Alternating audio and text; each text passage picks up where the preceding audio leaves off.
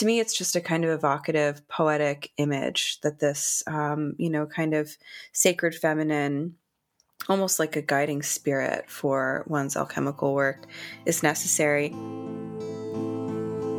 Welcome to Soror Mystica, a podcast exploring life's mysteries and magic through its symbols. I'm Mariana Louis, an archetypal tarotist. And I'm astrologer Cristina Farella.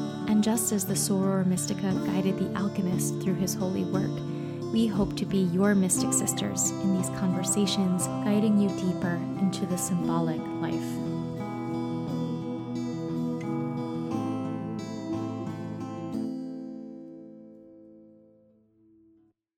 Hello, everyone. Welcome to the thirteenth episode of Soror Mystica. Thirteen is a is a lucky number or an unlucky number, depending on where you are and who you are.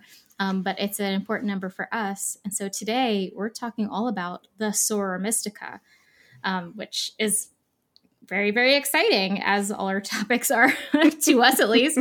Um, so we're just going to jump right into it. But I know that you're having you're having a, a, tough day today. So why don't you tell me the great things you're reading, and that'll make us feel better. Okay, I'll. Yeah. Hi everyone.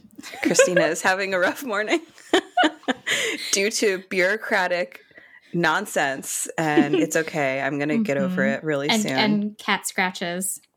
And cat things. Yeah. Mm-hmm. My. You know, it's okay. Um, we're we're taping this right before the full moon. Mm-hmm and it's happening in my 12th house and i wonder if some subconscious material is being leaked out into the ether around mm. me so i'm mm. going to try to get a handle on that today mm-hmm. and yeah when you said that you're so excited to talk about the soror mystica i was just laughing to myself because i'm pretty sure we start every episode being like we're so excited we're talking about this obscure thing today and it's going to be so fun so mm-hmm. yes um, this is great though, and it is exciting to talk about the Soror Mystica. And um, okay, so what I am reading, uh, actually, I just finished.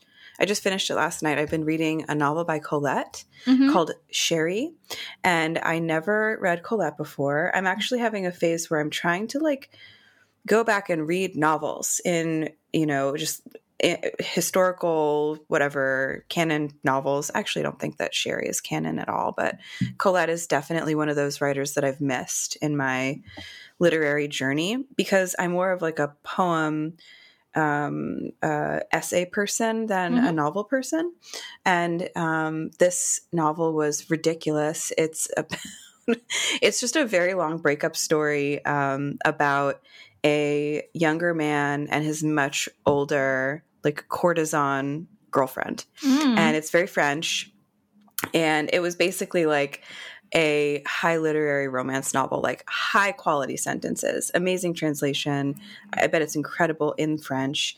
And, uh, but the content was just hilariously salacious. And I didn't know that before I started. And then I started and I was like, oh, well, this fun? is what's going on. Yeah. Um, so that's what I've been. That's what I've been immersed in, and it actually felt really good to just devour a novel. And I'm like looking for my next victim now, so that's mm-hmm. exciting. Doesn't that feel so good to to like actually only just indulge in the the creative mm-hmm. part of the brain? I know. I feel like we do so such intellectual work, which we love, but then I hit these points where I'm just so burnt out by it sometimes. Like right now, probably. Mm-hmm. I'm reading I just added a sixth book to my list and I'm 20% into all these books and like can't make any progress. I keep starting a new one because I just I'm like burnt out with it. You but, record your progress on Goodreads, is that what yes, you do? Yes. That's so cute. I have to, otherwise there's no incentive because I'm my so I don't know if I've mentioned my grandpa on this podcast before, but my grandfather, this my grandfather is my origin story. He was a very smart guy um, he I don't even know what he really did for a living. I think he did he had a degree in economics or something for Fordham. I don't know. Um, but I thought he was like a like a real philosopher. That was I didn't know because the way that people talked about him and my family. Um, but he was an armchair philosopher, and he collected at least I would I would guess ten thousand books in his lifetime. Like you've seen the um, library, and yeah. that's only a portion of the library. It's massive. Um, and he loved Jung and he loved Joseph Campbell. Um, and so he had all these books, and that's how I, I got onto these people because I found them in his house. And I was like, this sounds interesting. And, and I started reading it. And I was like, I love this. this is my destiny. And um, he was very, very, just like me. he didn't have Goodreads, but he had index cards. and so he kept very detailed notes on every book he bought, when he bought it, how much he bought it for. Um, it was like a full, like, library catalog wow. card insert thing. It was very professional. And um, he would mark, you know, how, when he started and finished each chapter. And I would say 90% of these books he didn't get past chapter one. Just constantly picked it up, put it down, bought another one. So I mean, I, I relate to that. Yeah. yeah, I do that. So I'm trying really hard to get through some stuff, but I just started yesterday and I'm I actually am already 50 pages in, which means it's good. Um, I started The Meaning of Mary Magdalene by Cynthia Bourgeault, I think is how you pronounce it. That might be wrong. Um, but it is I it's it's basically just a book about about how we understand Mary Magdalene and, and her actual roots and her actual significance and all this stuff. And so I'm very interested in it because I am going away to France um, mm-hmm. soon in like what's today Friday, so I'm going away in a week and I'm going to be in Belgium for a minute and and seeing what Belgium is like, and then I'm going to Paris, which is my home in my soul, and um, and then I'm spending a week in the south of France, um, like following the pilgrimage of Mary Magdalene. So amazing, so jelly. Uh, I'm so excited, um, and it's going to be very good for me, and it's very necessary. So. Um, dear listeners, our next episode um, maybe a little late getting out. So just keep that in mind because I'm on vacay, which is important because mm-hmm. I I'm and I'm not I'm going to try not to work on vacation mm-hmm. too. We'll see if that happens. We'll Probably see. not. We'll see if you can stop yourself. Probably not. You know, the last time I went on vacation, I like launched the archetypal tarot school like while I was on vacation, which was extremely dumb and like was panicking because I didn't have any cell service. And it's like people are like, "Hey, I have a question about the thing, and not, this is not working." And I was like, "Oh my god, mm. I'm in Switzerland. I don't know what's going on." so that was a mistake. I'm trying not to. Um, anyway, so we're reading good things and we're mm-hmm. taking good care of ourselves. So let's talk about the Soror Mystica. In our introduction, we do, you know, have a little bit to say about the Soror Mystica and, and how it's connected to alchemy. And so it's interesting. I, I've done research on the Soror Mystica in the past, and it's it's hard to get some information on her because you know it's it's kind of an obscure point in alchemy, but the person who really drew out this word, this term, was Jung. Uh, it's not that he made it up, he found it um, in a lot of different alchemical or several different alchemical texts. And there's definitely other scholarship out there about it, but it's just not something that like is widely studied or, or talked about. But basically, what the Soror Mystica is or was um, was the alchemist would be doing the alchemical work, right? He would be trying to turn lead into gold or find the philosopher's stone or whatever his particular, you know, goal was. And he would have sort of like an assistant who would assist him in in the work. And so that was pretty much always or most of the time a woman, a young woman um, who would be called the Soror Mystica. And so Jung actually has a little quote about what she is, which is just pretty good. Um, and he says many of those old philosophers had found out that there is no real philosophy if you don't face the anima. So many of them had a so called soror mystica, a friend in God, a woman friend. so, how young of Jung. Um, so, basically, if you haven't heard the term anima, the anima is a Jungian idea that is not without its many problems. Um, but basically, that there is an inner feminine figure in men and an inner masculine figure in women. That's called the animus. And so, a key, you know, idea of his psychology is that we're always trying to meet the the what he called the contrasexual you know archetype within us meet it and unify with it and so we find that harmony um, with the basically with divine masculine and feminine within ourselves and that's kind of a big part of the inner work and so the soror mystica at least in jung's theory was this kind of outward this way of projecting outward this inner work of seeking that feminine. And so they would kind of consciously bring in a woman into the alchemical space to assist them with the work. There's other scholars um, who rightfully say, well, maybe women were just alchemists. Ooh, wow. How tantalizing. right? Can you imagine? Um, and there's actually pretty good evidence for some of that too. Like uh, one of the people that Jung uh, like calls the Soror Mystica is Maria Prophet Prophetissa Prophetissa do you, have you do you know about her a little bit um, so she's like the one of the most famous female alchemists and she she's the one um, she has i think the the a really good quote about like numbers and like the one becoming the two becoming the three becoming mm. the four it's like a very prominent quote that that like Marie Louise von Franz expounds upon and and is like a central part of some theories and stuff. Um, but she was just a great alchemist. She and she's pretty old, like I think more ancient alchemy, not not Renaissance alchemy. Mm-hmm. And so he calls her a Soror Mystica, even though she was an alchemist in her own right, of course.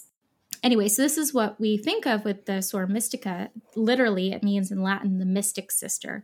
And so her purpose is to be a uh, soul guide, eh, this kind of opposite force that the alchemist is is working beside in order to achieve the goal of alchemy, which is you know basically in a psycho spiritual sense, it's the uh, unification with the capital S self, like the coming together of all the disparate parts into a unified experience of wholeness.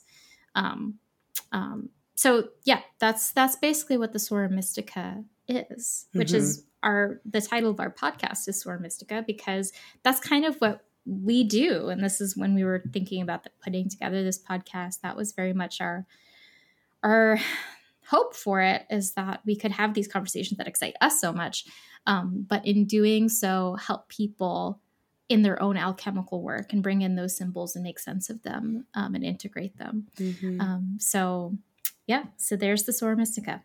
Yeah, it's such a great concept and something that you brought to my attention. I didn't know about the Soror Mystica before. And I think that it is, um, there's something really beautiful about the kind of obviously like the unification of opposites. Um, and we're also taping this in Gemini season. So mm-hmm. I feel like mm-hmm. that's like a nice kind of on theme um, sort of symbol for us right now. Um, and I think that what's what's funny is what you mentioned is that the idea that the Soror Mystica is the supporting role that helps the alchemist find the balance or the unification or the whatever, um, mm-hmm. the sort of transformation within because he needs the anima um, and probably she needs the animus.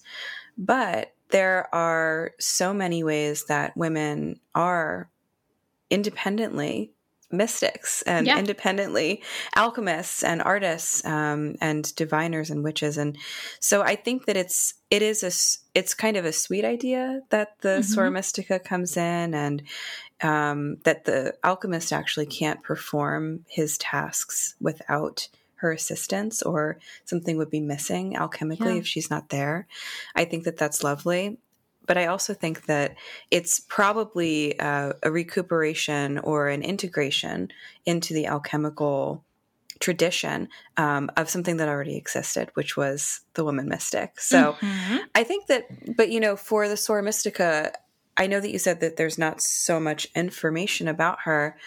To me, it's just a kind of evocative, poetic image that this, yeah. um, you know, kind of sacred feminine almost like a guiding spirit for one's alchemical work yeah. is necessary. Do you do we know what the job like specifically was of the Soror Mystica? You know, I would guess that because the the work itself was a lot of trial and error. So I would mm-hmm. imagine that her her job was probably to keep track of what was going on and to kind of it was he the alchemist was balanced out by her input, right? So it the work of alchemy can be very passionate.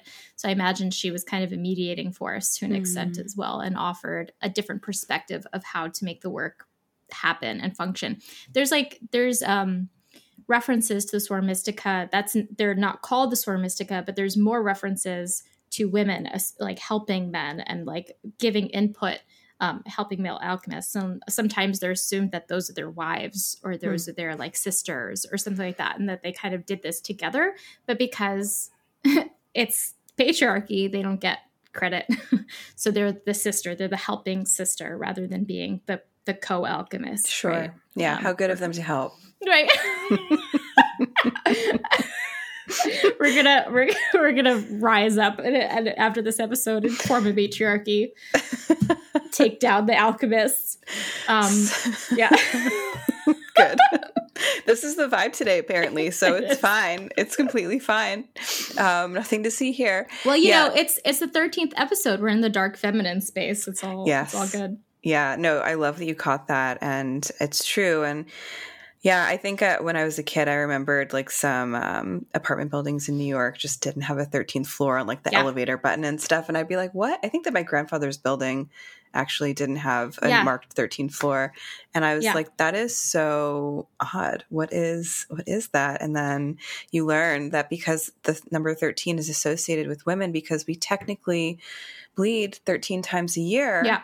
Um, and we are bad that you can't have 13 we are bad anything. yeah it is it is absolutely the number of the of the dark feminine and so we're mm-hmm. frightened of it terribly mm-hmm. in europe they don't have that number anywhere that is so interesting yeah well you know that's cool. silly so i think that that's great so um yeah, I think that, you know, we are each other's Soror Mystica, but we don't sure. need the animus necessarily, or maybe we have it.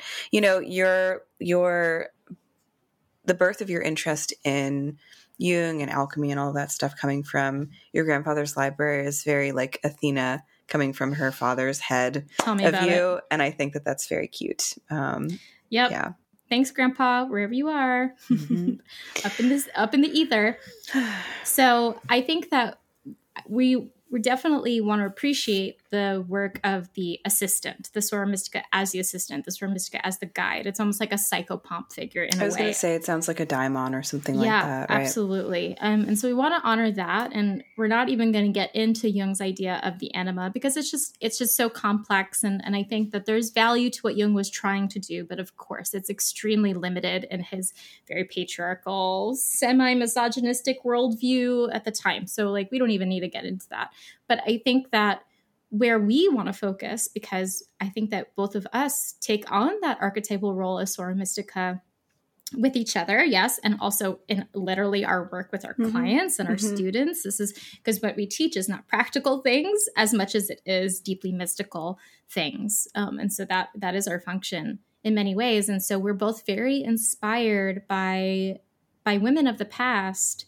who have functioned as our Sora Mystic K. Mm, Is that how you would mm-hmm. say it? I think so. Yeah. yeah. Ooh, I took Latin in middle school. Um, so I think that that's kind of where we want to focus today. And I think that we can definitely start with the OG Hildegard.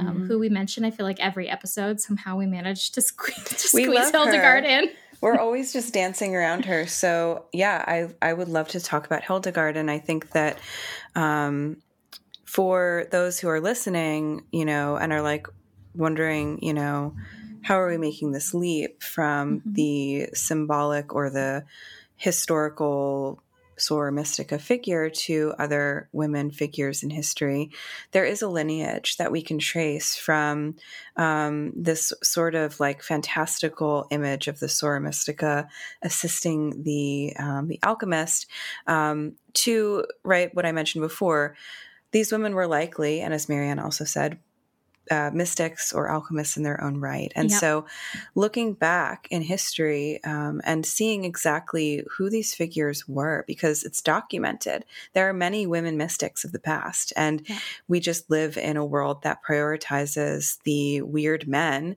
and uh, gives women this sort of background quality, also making them weird, by the way. Yeah. But yeah um, there is a kind of through line here that is really, really interesting to trace. And if you've never explored this realm of history, or if you're not even aware of the fact that um, there were women who were taking on the role of mystics or seers or translators of spirit and bringing it into either their own divine worship or their art that they were making. Um, this is, I think, going to be an episode that is exciting because I remember mm-hmm. when I first learned about these figures and I was like, oh my god, you know, especially yeah. if you were raised in a patriarchal um, religion or just family system, a lot of priority is given to the male figures of Christianity or. Yeah. Um, or our dads or whatever. and women actually are able, of course, to do everything, but in this very, very special and bizarre way, act as these conduits of spirit. So, um, yeah, tell us about Hildegard of Bingen. Mm-hmm. So Hildegard, um, I want to say she's she was from I think the 12th century, mm-hmm. right? I feel like she's born right at the end of the 11th century and then into the 12th century. I, I think so. But Hildegard was this kind of amazing woman who um, she was she was a nun and she lived in an uh, in uh, hermitage. Basically, she was an anchorite um, for many years. And she had visions from very early age. Um, and it's so interesting. I read her biography and and um, these visions she would have would make her terribly sick. And she would just be so ill after them. And she didn't understand why she would be so sick and then she finally started to share them and to tell people about them and to and to translate them into something more. And then she started to to feel better. And then this like illness would lift from her. And when she was in her 40s i think it was her mid 40s she um, had a series of mystical visions that absolutely blew her world apart. Um, and that's where we get the scivias um, text which is impossible to read. I have it on my table right now. I've, I've had it here for like three months and I'm really scared of it because I don't know what to do with it because it's massive and it's really, really challenging. Um, but it's basically a series of divine visions of God um, and what God is. And what is so interesting about her is that her visions of God were not that we're not really that much about like Jesus crucified on the cross and like you know sin and I mean there's that there absolutely but it's mostly focused on the nature of God, the nature of the cosmos, the nature of what the divine is.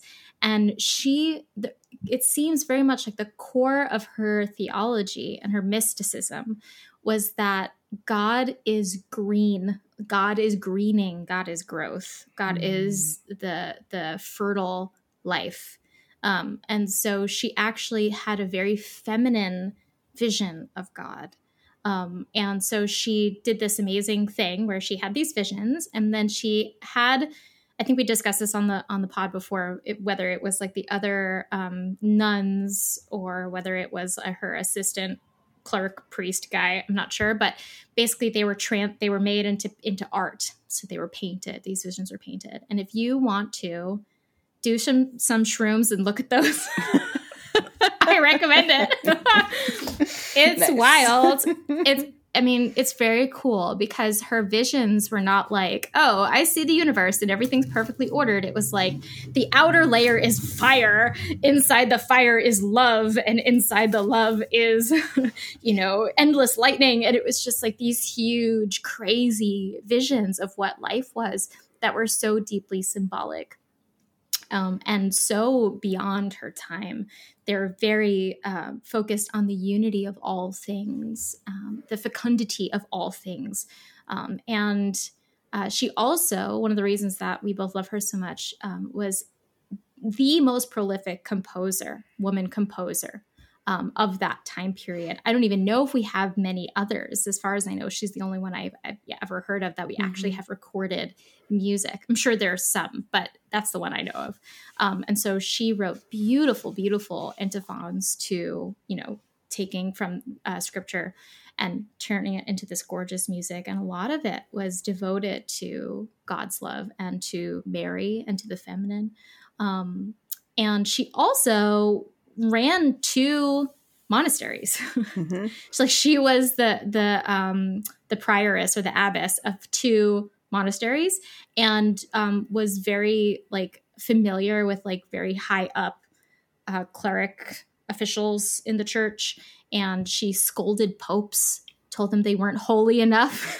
She's like she was wild, and she lived, I think, into her 80s too. Like, and she oh, and of course, she was also an herbalist, right. a very prolific herbalist, mm-hmm. um, and is I have her Hermetica on my shelf, and I have it over there so, too. Yeah, yeah, just like endless. The, this woman's gifts, um, and I think that she's she's shepherded shepherded us both through a lot of different ways through her music, mm. through her mysticism, through her herbalism. Um, so she's been a big inspiration, and she's just absolutely just astounding.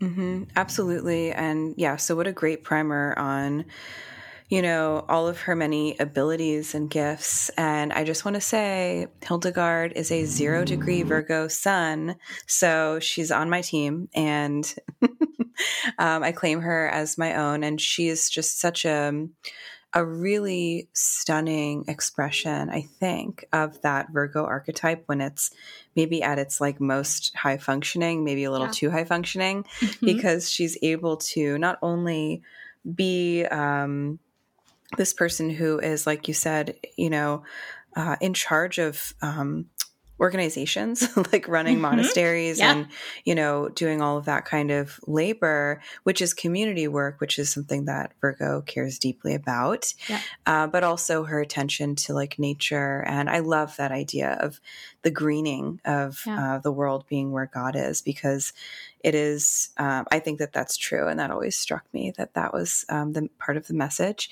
eh, you know to our listeners, you may have seen her paintings. The most famous one is um, of a cosmic egg.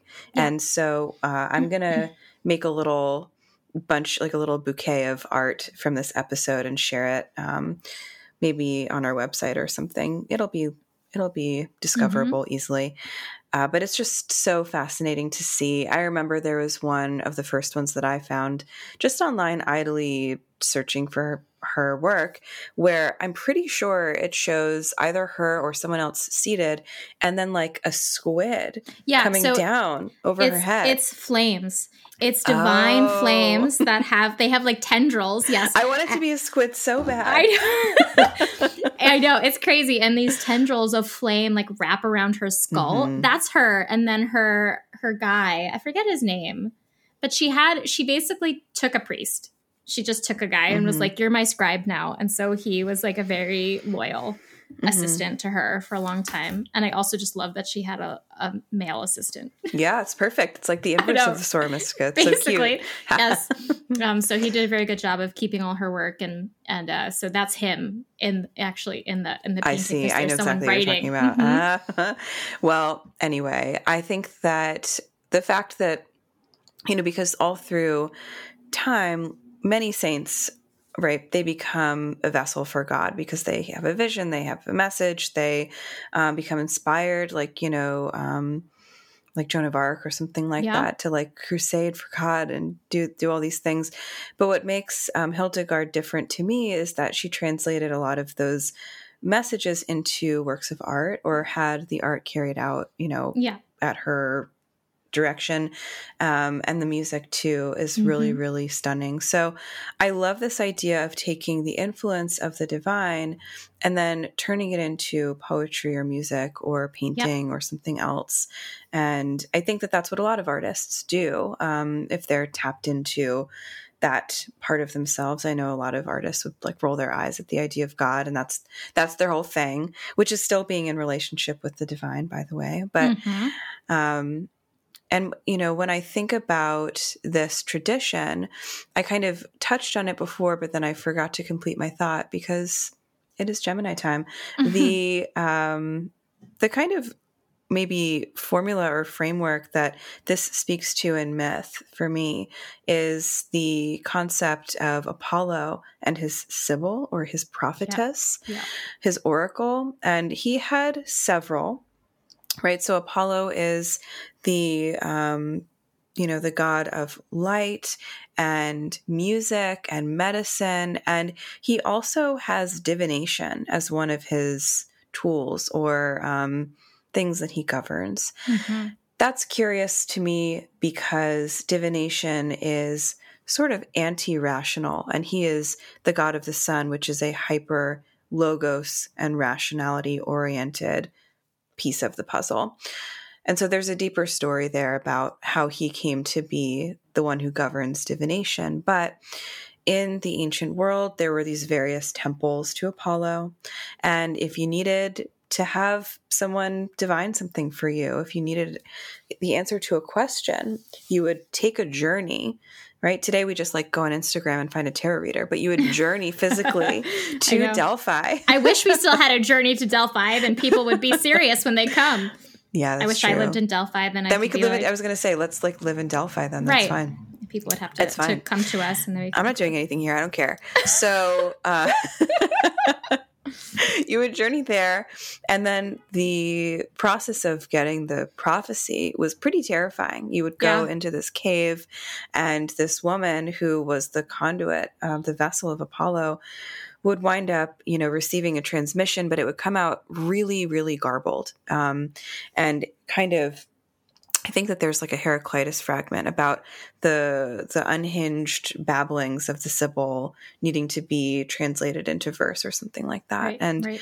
right, so there would be actually a scribe there who would take it down, write the prophet the the prophecy in verse in poem mm-hmm. form and then deliver it to the person and then you would have your answer but i think that in terms of the image of the soror mystica assisting the um, the god or the sorry the alchemist we have this interesting analog between the masculine god and then his feminine um, prophetess or oracle. So just wanted to kind of put that out there because everything has a root. Everything yeah. has a symbolic root. And i feel like there's a link there that's worth exploring or playing with like where did this idea of the soror mystica come from? Yeah. Um, it might yeah. be linked to the sibyls. Well that that makes me kind of think about mary magdalene um, i'm reading about her right now about to go on a pilgrimage that is focused around her. Um, and my interest around Mary Magdalene really just comes from the fact that, I mean, I had such a strong Christian background and I, I was really you know invested in that faith for a long time. Um, and i left the church because of the lack of the feminine and how uncomfortable that was for me. Um, and I, I think that the more that i encounter mary magdalene the more i'm kind of in shock that that she's she's still so unknown um, so essentially we think of Mary Magdalene as the repentant prostitute, right? Like that's that's how she's uh, labeled in the church. And there's actually no that that's a false thing, and just and this is not debatable. This is a thing. This is a known fact. It was repealed in 1969 that she was ever a, a repentant prostitute. yes, like this is not true, guys. and the reason that that that happened is because there's like several Marys list like talked about in the Bible. There's like actually like 14 Marys or something. There's so wow. many Marys. There's like a lot of Marys. And so there was a, a pope in like the fifth century or something who was going through the Bible and was like, there's too many Marys. They must be the same person. Mm. Um, and so he kind of like reduced them down and, and like kind of smushed people together. And so he said that Mary Magdalene must have been this repentant prostitute. And so that's it just came from him. And then we just kind of took it and ran with that for a long time. But what's really interesting, and this is only 50 pages into this book I'm reading, but we've already touched on it. Um, there is something about that that feels like maybe not intentional, maybe like these this pope or these guys in the church because a lot of the the doctrine that we believe in Christianity came from men sitting down and deciding what they believed. That's also a fact, not making that up. Um, they they kind of left out the feminine in a big way, and a lot of people theorize very intentionally because it would undermine the patriarchal structure of the Catholic mm. Church that they were they were establishing. And there is a gospel called the Gospel of Mary Magdalene. And we also have two other Gnostic gospels the Gospel of Thomas and the Gospel of Philip.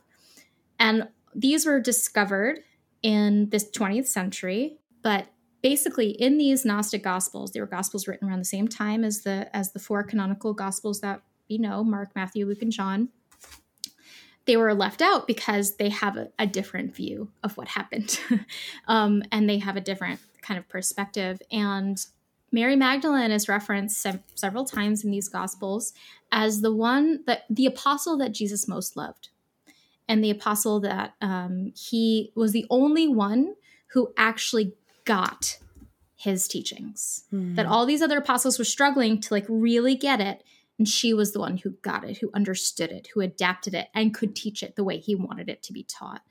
And so she really was not only his most beloved apostle because there's a lot of people who theorize based on like there's a line in there that they used to kiss each other on the mouth and like okay so there might have been there might have been erotic stuff there. There might have been love. There might have been like actual romance between them. And i love that idea but who knows? We're not probably never going to know.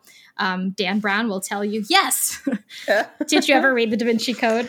I did. I did. I devoured mm-hmm. it when i was a kid and yeah it was fun. And then um, i didn't read any of the other i think i tried the second one and I, I don't. Bored. Yeah, I gotta say he he put out he put out a banger on that one. Mm-hmm. Um, that was very readable. I read that very quickly. Yeah. Um. So I mean, but like we don't know. But the point is that that Jesus truly loved her, and there was something about Mary Magdalene that she was able to understand these spiritual truths and teach them in a way that the other apostles couldn't yet, and they were struggling. But there's kind of insinuations that she's really it. Like mm. she's she's the one that that gets it. Um and then she has her own gospel which is basically revealing the the um, secrets that jesus told her that he didn't tell the other apostles because he knew they wouldn't understand. Yes. Um, and it, it is so fascinating. And I think that Mary Magdalene certainly figures as the Soror Mystica figure as well because she is not only the at least in this Gnostic tradition that we're unfolding right now, um, the most beloved and the most adept of the apostles to the teachings of Jesus, but she also continued them and continued to develop Jesus's ideas and say, well, what does this mean for us? How does this teach us how to live? The the what we're kind of guessing about the way that the these Gnostic Gospels are talking about her and what she could do and how Jesus appreciated her was that she actually kind of was enlightened. Like she had achieved this sort of state of enlightenment and in a way that only Jesus himself also mm. achieved. Mm. And so there's almost this companionship between them. It's almost like of course in the the Christian doctrine Jesus is is the son of God and Mary Magdalene is not the son of God or daughter of God. Like that's not we're not taking it that far in the Christian context, but that she was companion to him and possibly even you know talk to him about what these ideas meant and developed this this theology and developed this spiritual work. Um, and I, I love that idea. I am so so excited by that. And i know we're in the realm of like just kind of guessing and taking mm-hmm. big leaps. But I don't care because it's exciting. it's exciting to think of it this way and to follow these breadcrumbs. Um, and so I'm very, very thrilled to be going to see her cave. Do you know the story of Mary Magdalene in France? I know that she was in hiding there. What was yeah. the deal? So mm-hmm. basically, she fled after Jesus was crucified mm-hmm. and found herself in France I don't remember how that happened. I'll find out when I go. I guess you will. You're gonna know. So I will know so much. Um, but she she hid in a cave for something like thirty years. Wow. Um, yeah. A Saturn cycle. Interesting. Mm-hmm. So she lived in this cave, and the it was very sacred. And then the people have had like visions at this cave and whatever. And apparently, her skull is there. Weird. Right? I know. I love it. I hope that you feel a ghost when you go there. I'm mm-hmm. expecting mm-hmm. to, honestly. Um, but yeah, so I think that that's another figuration of that Soror Mystica of the like, basically what the theme that we're kind of pulling out here is the like, the helper, the female or feminine helper who actually wasn't as much as a, of a helper as she was a companion. Yeah. And like like working beside the the alchemist or the spiritual figure. Yeah, totally. Um completely random aside, have you ever seen the Scorsese Last Temptation of Christ? It's good. I think so. Okay, I think good. I have. I think you made me watch it one time. I think that I I've always asked you about it. Um, I feel I really like, like, I did. I feel like I watched it with my well, husband. it's Willem Dafoe as Jesus. Yes, yes. Mm-hmm. Okay, yes. And then I, I watched it with my husband, and he was like, "What in the world is this?" It's such a weird movie. Yeah, but I like his the relationship with uh, with Mary Magdalene mm-hmm. in that um, because they are like companions who mm-hmm. live together, and she is like he of course rescues her from her prostituteness. Ugh. it's very melodramatic. But anyway um, for anybody who wants to see jesus with a new york accent in the eyes of martin scorsese you can check out the last temptation of christ. I think it's a great movie. It's really weird though. Or watch jesus christ superstar. That's another good option. Jesus christ superstar. So i think um you know yeah i i love just again, the idea that you know the masculine requires the feminine um, is something that exists in alchemy and Jung's thought, um, and I think it's something that the world that we live in has like really forgotten and yeah. denigrated. And so, one maybe more contemporary um, version of this feminine mystic who kind of was self-contained and didn't mm-hmm. necessarily need the um, the confirmation or the presence um, of the masculine um, is somebody who we're like jumping way ahead in history to consider, but it would be the painter and mystic Hilma af Klint. Mm-hmm. Um, and so I kind of want to bring her in because she's to me so freaking fascinating. And there's actually some new art historical research about her that has literally just kind of surfaced that I learned about a couple of months ago and sent you a very, very frantic voice note about. So I loved it. so Hilma af Klint is um, she was a Swedish artist, and her dates are 1862 to 1944. And so she was most, I would say, maybe innovative or or like her career really got started in like the late 1890s, early 1900s. Mm-hmm. And yeah. what's so remarkable about Hilma is that in terms of what we understand about art history, um, we know that people like Vasily Kandinsky, for example, we call him the father of abstract art or the father of abstraction. Mm-hmm. And it turns out, go figure, that Hilma af Klint and probably this other kind of gang of ladies um, were way more pioneering and um, you know created abstract works way before these other um, male painters did. Now i'm not here to bash male modernists. I love kandinsky. You know i'm not interested in doing that kind of takedown but what's interesting about hilma to me is that she is someone who um, you know, was quite independent, I think, her whole life. Um, she was basically an artist, an art student, and then her sister passed away when mm-hmm. she was young. And that's what triggered her interest in something called Spiritism, mm-hmm. which is something that was really popular in the late like 1890s um, that you know, kind of brought in the use of um, seances and believed in the reincarnated soul or spirit, very ghosty mm-hmm. sort of uh, practices. And it was a whole kind of spiritual revolution for a lot of people. Her sister's name, I believe, was Hermia. And I mm. think that that's hmm. interesting because that's a correlate of Hermes, like Mercury. Yeah. Right? That is super interesting. Brings us back to alchemy. Mm-hmm. Mm-hmm. And so Hermia's death was the thing that triggered her interest in figuring out what happens to you after you die, which is like so sad and moving and beautiful. Um, and so, you know, after that, you know, around like 18, probably 1890, um, she started collaborating um, with other people. She went to art school and she met this woman named Anna Cassel. And they were definitely a couple. And that's one of those things that like art historians are slow, we're slower to say. There was a documentary about her as early as or recent as 2019 and mm-hmm. they didn't say that she that she gay. had a girlfriend. no, okay, she didn't just have one girlfriend; she had many. Um, but this is this is what I'm getting at. So you know, she was part of this group called the Five, And they were um, all women mystics who lived together and now we think are responsible for a lot of the works that we consider to be attributed to Hilma. So they would collectively hold a seance.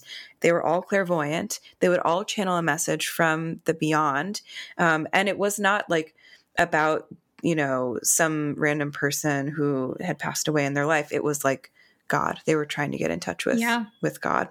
Um, and they would create these amazing um, abstract art pieces all about the dualities of light and dark. Like yeah. some of the most famous ones are these black and white swans that I are kind of woven so together. Much. So good. A lot of geometric forms, and then a lot of like canvases with kind of organic but geometric forms and then symbols from alchemy and from astrology and yeah. from numerology and stuff like that. So it's just fascinating. And um, what is interesting to me about this in relation to the Soror Mystica is that at the end of her life, um, or not probably at the end of her life, probably closer to just like middle age, she went to Rudolf Steiner and she was like, Hey, I made a series of paintings called Paintings for the Temple because she wanted to build a temple, but she didn't have the resources. Mm-hmm. And um, she knew that he was building his own temple and was like, do you like my art? Like uh, we have the same ideas. They were both interested in um, in theosophy and um, very influenced by Madame Blavatsky. And he just was like, ah, I don't think this is really good. I don't. Mm. I'm not mm. into this, which is ridiculous because. Yeah they had the same philosophies and if he didn't like them i don't know i want to say that he was threatened by her Shame and on steiner. had too much of an ego to to incorporate her. Um, and so she was rejected then by like the alchemist or by that that you know animus figure. Yeah. And so she said okay screw that. I am going to do nothing with my art and no one is going to be able to see it for like 20 years after I die. And um, I'm going to keep this from the world and hope that my work finds the appropriate audience in a future generation. Um, and so, all of this to say, the Soror Mystica in this instance, um, channeling, you know, ideas about the soul and about yeah. the afterlife, worked exclusively with a group of other women. So this group of the five uh, expanded to 13 women. Of course for our 13th episode mm-hmm. and became just this kind of like coterie of like probably polyamorous relationships. Everybody yeah. was with everybody else. And it's just this crazy thing to think that we have these amazing works. Um, it was amazing because art historians wanted to create this narrative that this woman was yet another sort of like hero figure in the yeah. art historical canon, this larger than life genius person who made these amazing paintings. And they're huge canvases, they're gigantic. Yeah. Um, and so now the idea that there's, this is actually the product of a feminine mystic collective is really really interesting to me and so they were still channeling maybe you know maybe their god has a, a masculine tint to it but this was the soror mystica to me in the presence of other soror mysticae to yeah. use your latin yeah. from middle school or whatever and i think that that is a really interesting transformation of that you know of the archetype itself so yeah, um, yeah. That's gorgeous. I love I love Hilma's work so much. I only recently discovered it. You probably were the one who showed me something that got me onto it.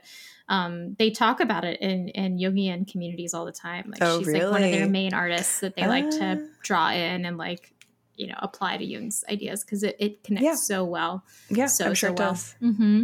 Um, and I think that we've had such a juicy, and gorgeous conversation about about the Soror Mystica, about her significance, and kind of you know looking at how she we've kind of like a, a broken down the two capacities that she seems to fill. On one hand, the assistant, the guide, the person who kind of brings us to deeper mystical awareness, and on the other hand, um, a woman of, of mystical power in her own right. And so I really love that we've kind of been able to bridge both these sides. Yes, you're my Soror Mystica. You're mine. cool. With all of that said, then let's look at a symbol together. Yeah, let's do it. If you're enjoying this podcast, we encourage you to learn more about how you can support us on Patreon. There's many benefits available, including extended episodes, guided tarot meditations, and astrology transit journals. But all listeners are welcome to share a symbolic experience for us to explore on the show. Therefore, we invite listeners to pull those symbols from their lives, whether they come from a dream or synchronicity. Thank you to today's sharer, and please tell us your symbolic experience on our website, sorormysticapodcast.com. Are you a small business looking to reach a targeted audience of people who are interested in things like spirituality, esoterica, obscure academia, holistic living, magic, the occult, or other related topics? If this sounds like you, Soror Mystica would love to invite you to become an advertiser on our show. As Soror Mystica has a highly tailored audience of mindful, curious, depth seeking listeners, we would be delighted to be able to give your business a place to reach new eyes, new ears, and new hearts. If you're interested in becoming an advertiser, you can find our application form at our website, which is sorormysticapodcast.com backslash advertise with us. Thank you so much for being a part of our listener community, and we really look forward to hearing more about your unique business quite soon. We want to let you know about a very cool spiritual small business that you should support. Vibes de Alma focuses on creating a safe and nurturing space to tune into the vibes of your soul to live an authentic life. Vibes de Alma will walk alongside you through sound therapy, intuitive card readings, and astrological consultations to find the song of your soul. This allows you to make space for the things that add value to your life while letting go of the things that don't. If you want to learn more, go to vibesdealma.com or find them on Instagram under the handle vibesdealma. So, this symbol comes to us from a listener um, who says, When my Nana passed away, I went to a silent retreat at an abbey. I thought maybe I could find a connection with her here in the beauty of the mountains. I remember telling the group that I was here because of that reason during the opening ceremony. Later that afternoon, during reflection time, I looked out the window of my bedroom and saw a flower in the garden below. I said, Nana, if you're here, please send me a flower. A few hours later, the administrator of the retreat found me, told me to close my eyes, presented me with that same flower, and told me that my Nana wanted me to have it. It still gives me chills. Could the flower be a symbol? Mm, of course it is. you know, it's so funny. We chose this one just because it was so lovely. Um, and then uh, now I'm reading it. This this woman just went on a silent retreat in Abbey yeah, it's perfect. retreat. It's Look at perfect. that synchronicity. Yeah. Wow, what a synchronicity mm-hmm. indeed. My mm-hmm. goodness. So my first question would be, what flower is oh, it yeah. specifically? Because sure. that to me, okay. So number one, dear listener, yes, a thousand percent, this is going to be um, an ally or something to look for um, that symbolizes your grandmother's continued presence with you. And yeah. I think that what's exciting about um, nature symbolism is that everything in the natural world connects to other. Uh, has or other correspondences. So, if it's a particular kind of flower and you can do a little research, it might be um, correlated with um, a particular god or a particular month of the year. Yeah. Maybe that speaks to your grandmother's birth chart in an interesting way or um, some other characteristic that that plant maybe that plant has medicinal functions and that's also something that you're supposed to take with you as a kind of healing tool. Um, maybe you can incorporate it in food. Like there are many ways that flowers are so flexible i think in what they offer yeah. us um, and so i think that no matter where you are having that flower in a particular um, in any in any setting is always going to be a little high sign. So yeah. yeah. I love that. It's a good sign too. I mean, I think that a lot of us have the signs from the beyond. Um, this is this is spooky territory, and I get spooked talking mm-hmm. about it. But um, you know, after my grandfather died, my every everyone in my family kept seeing cardinals everywhere, and so now it became like a thing that that's you know grandpa's sign. Um, and and everybody you know, a lot of people have stories like that. Like after someone passed away, there was some there was some connection, some thing, some symbol that they offered. I can't, I couldn't give you a better example of how if if your grandmother's spirit exists out there in the unknown and it's trying can communicate with you, that was her. Mm. I I'm very I don't know I don't know what happens in the afterlife and my Aquarius brain is always like stop pretending you do. So I always get nervous saying yes because I don't know and then it's just spooky to me. But I think that if that's what you feel is very true and you know that that's true then it is true because I believe mm. that that's mm. entirely possible. Um, and I I also think that the flower just generally it's a symbol of beauty. It's a symbol of grace every as christine was saying every flower has a slightly different symbolic element to it um, and I, I really love that idea of like pulling out a, a correspondence chart and just being like where can i take this deeper?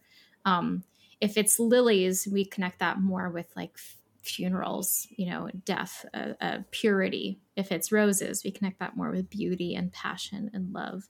Um, there's there's different sunflowers you know joy and and uh, brightness. So there's that might be something to consider and to look into what this particular flower has for you.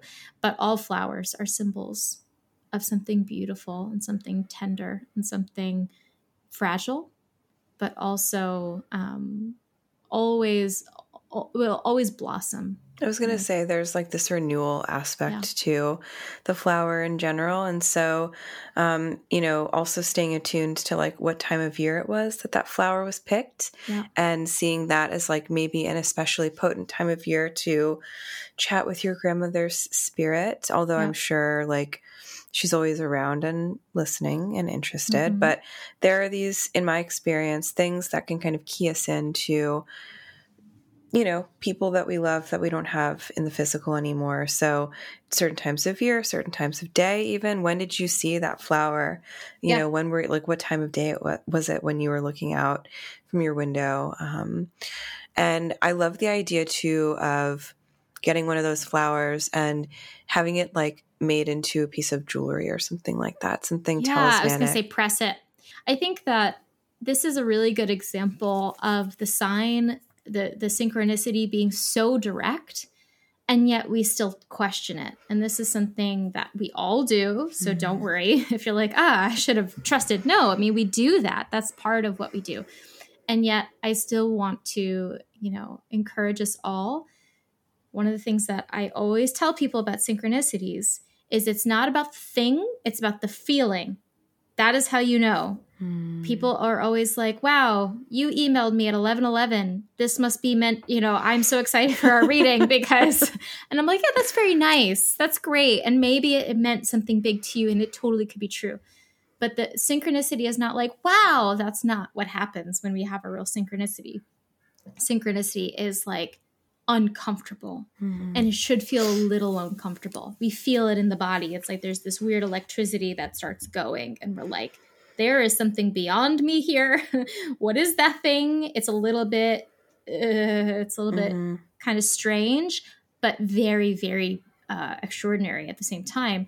And just reading this, I could feel that from you, uh, dear listener. So I would say, like, trust, trust that that was exactly what it was. The synchronicity had deep meaning for you, and it doesn't have to have some big meaning of like, oh my gosh, you know, here's your new destiny that you're, right. that you're being given. It's just you've connected. I think it's so well put. Yeah, sometimes it's just literally like we are connected to things that we can't see. Yeah. Here's a little reminder of that. So, yeah. yeah, I think that's a great way of putting it. Yeah, beautiful. All right. Well, I think that we've done a good job of covering the the Soror Mystica. We've, I think we've done her some uh, some justice here. And um, thanks everybody for listening. If you have a moment, we'd love for you to to let us know how you how you're enjoying the podcast. Yes, awesome. Thank you so much, everyone. Take care. Thank you for joining us in our conversation today.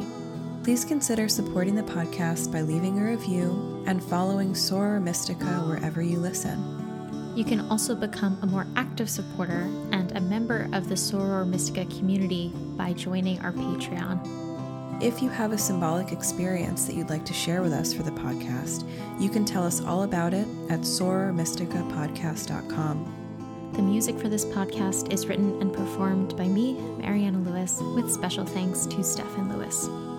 You can connect with both Cristina and myself on Instagram and get to know our work by clicking on the links in the show notes. As the alchemical motto goes, as above, so below, as within, so without. May this ancient wisdom continue to guide you deeper.